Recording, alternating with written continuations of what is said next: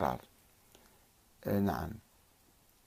الصالحي جمال يقول أستاذ كلامك عقلاني ومنطقي ولكن الحال العراقي الآن شيء غير معقول لأنه بعدنا الثقافة الديمقراطية ما مترسخة عندنا والشفافية الديمقراطية ما موجودة وعندنا مخلفات طائفية نفسية عقد نفسية موجودة في المجتمع وعقد أن هذا شيعي وهذا سني وهذا كذا وهذا كذا.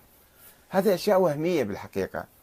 يعني أنا عندما أنتخب مثلا آه، نائب شيعي أو وزير شيعي شنو معنى شيعي يعني؟ شنو يربطني به افترض أنا شيعي وذاك شيعي. إذا هو يسرقني وينهبني ويستغلني ويغشني ويلعب علي شنو بقى من التشيع؟ وكذلك نفس الشيء مع السنة. إذا أنت سني وتنتخب نائب سني مثلا أو رئيس سني يجيب لك وهو يظلمك ويضربك ويضطهدك ويستغل أموالك و... ويعمل كل شيء ضدك. شنو معناته أنه يكون سني هذا؟ شنو فائدته لك يعني؟ وللمواطنين فهذا وهم خلي نشيله من رأسنا. خلينا ننتخب حكام وأحزاب وقيادات وطنية نجربهم يعني نمتحنهم ونثق فيهم نتعرف عليهم جيد. أنه هذا إنسان نزيه إنسان وطني وهذول موجودين في كل الطوائف حقيقة. خلينا نتعرف على ذولا وننتخبهم من دون حساسية طائفية. حتى لا نسقط في المحاصصة. المحاصصة الموجودة حاليا بالعراق.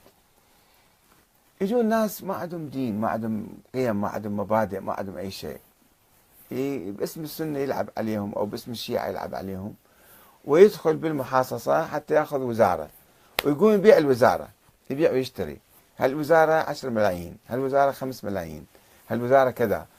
أنا أعطيك الوزارة أتنازل عليها تعال أنت أخذها ولأن بيها مقاولات وبيها فلوس وبيها كذا ويصير صراع على المناصب. لو عندنا حكومة قوية وهذا طبعا من الضعف الموجود المحاصصة والضعف نتيجة الحكومة البرلمانية. عادة الحكومة البرلمانية تكون ضعيفة خاصة في مثل وضعنا بالعراق اللي وضع طائفي. بس عندما تكون مثلا حكومة أخرى أو نظام آخر نظام رئاسي الرئيس ينتخب من الشعب مباشرة. يكون قوي شوي أقوى من الرئيس اللي الأحزاب تجيبه وتوديه وتلعب عليه. رئيس منتخب من الشعب مباشرة. يكون رئيس قوي. كذا مليون واحد. وهذا الرئيس في النظام الرئاسي الخطاب ماله راح يكون خطاب وطني. ما يمكن يكون خطاب إقليمي أو محلي أو يعني طائفي أو قومي. لأنه يريد يكسب كل الأصوات. فيضطر يخاطب الناس بخطاب وطني عراقي مثلا. ويشكل حزب وياه حزب أيضا وطني. حزب من كل الأصناف من كل الجماعات وياه موجودين. فشنو صار عندنا؟ صار عندنا رئيس وطني وحزب وطني. من يشكل حكومة أيضا حكومة وطنية بدون النظر إلى الهوية القومية أو الطائفية، أي واحد كفوء يجيبه يحطه حتى يشتغل ويعمل. فهنا إحنا انقذنا البلد وصلحنا الأمور. أما إذا حكومة مهلهله ومحاصصة وضعيفة فطبعا واحد يجر لنا واحد يجر طول واحد يجر أرض وبالتالي تضيع الأمور وتصير حساسيات بها وتصير بها مشاكل. والشعب هو الخاسر الأكبر.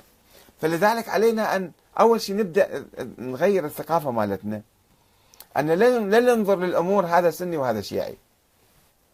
ثم نغير النظام شوية من برلماني إلى رئاسي إن شاء الله لازم نعمل عليه. يعني آه، آه، الناس المصلحين والحريصين على وحدة العراق يعملوا من أجل على تقوية هذا النظام. كثير من الناس يقولون أن النظام ضعيف. وشنو هذا النظام؟ الديمقراطي وبطلنا مرة الديمقراطية. زين مثل الديمقراطية شو تسوي بعدين؟ حكم عسكري انقلابات صراعات فوضى شو تريد تسوي بعدين؟ ماكو أفضل من النظام الديمقراطي. بس النظام الديمقراطي إذا كان ضعيف قوي. مزيد من الديمقراطية مزيد من الشفافية. يصير نظام قوي وبالتالي آه، يحل مشاكلك أكثر. لا تهرب من المشاكل المشاكل موجودة ودائما تكون موجودة. بس شلون نخففها وشلون نحلها؟ فبهذه الطريقة إن شاء الله إذا إحنا تكاتفنا مع بعض والناس الخيرين والطيبين شكلنا حزب واحد مو طائفي عابر للطوائف. ما ننظر أصلا. عيب نجيب اسم الطائفية عندنا. راح يكون ناس كفؤين مخلصين يعملون من أجل البلد. لكل البلد. مو أنا أشكل حزب إسلامي مثلا للشيعة فقط وحزب إسلامي للسنة فقط. هذا طلعت شلون إسلامي هذا؟ لازم يكون حزب وطني يكون إسلامي حقيقة. إذا ما كان وطني ما يكون إسلامي. إذا كان طائفي أو قومي هذا ما صار إسلامي. إسلامي يجمع الجميع.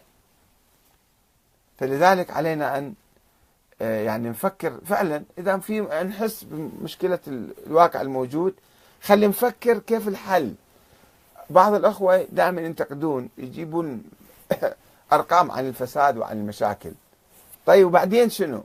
كيف الحل؟ لازم تقول لي لا تحدثني عن الفساد والمفسدين حدثني عن طرق الحل ومكافحة الفساد. ماذا نعمل؟ يبدو قاربنا أنه ننهي ساعتنا المباركة معكم في هذا اللقاء اللطيف و نشوف إذا كان بعض الأسئلة. والله كلامك صح شر البليتي ما يضحك. الأخ صالح جم... صالح جمال. أه مصطفى إبراهيم ما رأيك في صدام؟ رأيك في صدام؟ أنت وين عايش يا أخي العزيز؟ شو وقت جاي بالدنيا؟ أكيد جاي يمكن بعد ذهب صدام. صدام كل المصايب والبلايا من عنده. دمرنا ودانا حروب ودمر البلد كله. حرب مع إيران وحرب مع الكويت وحرب مع الأكراد وحرب مع سوريا وحرب مع الداخل العراقي.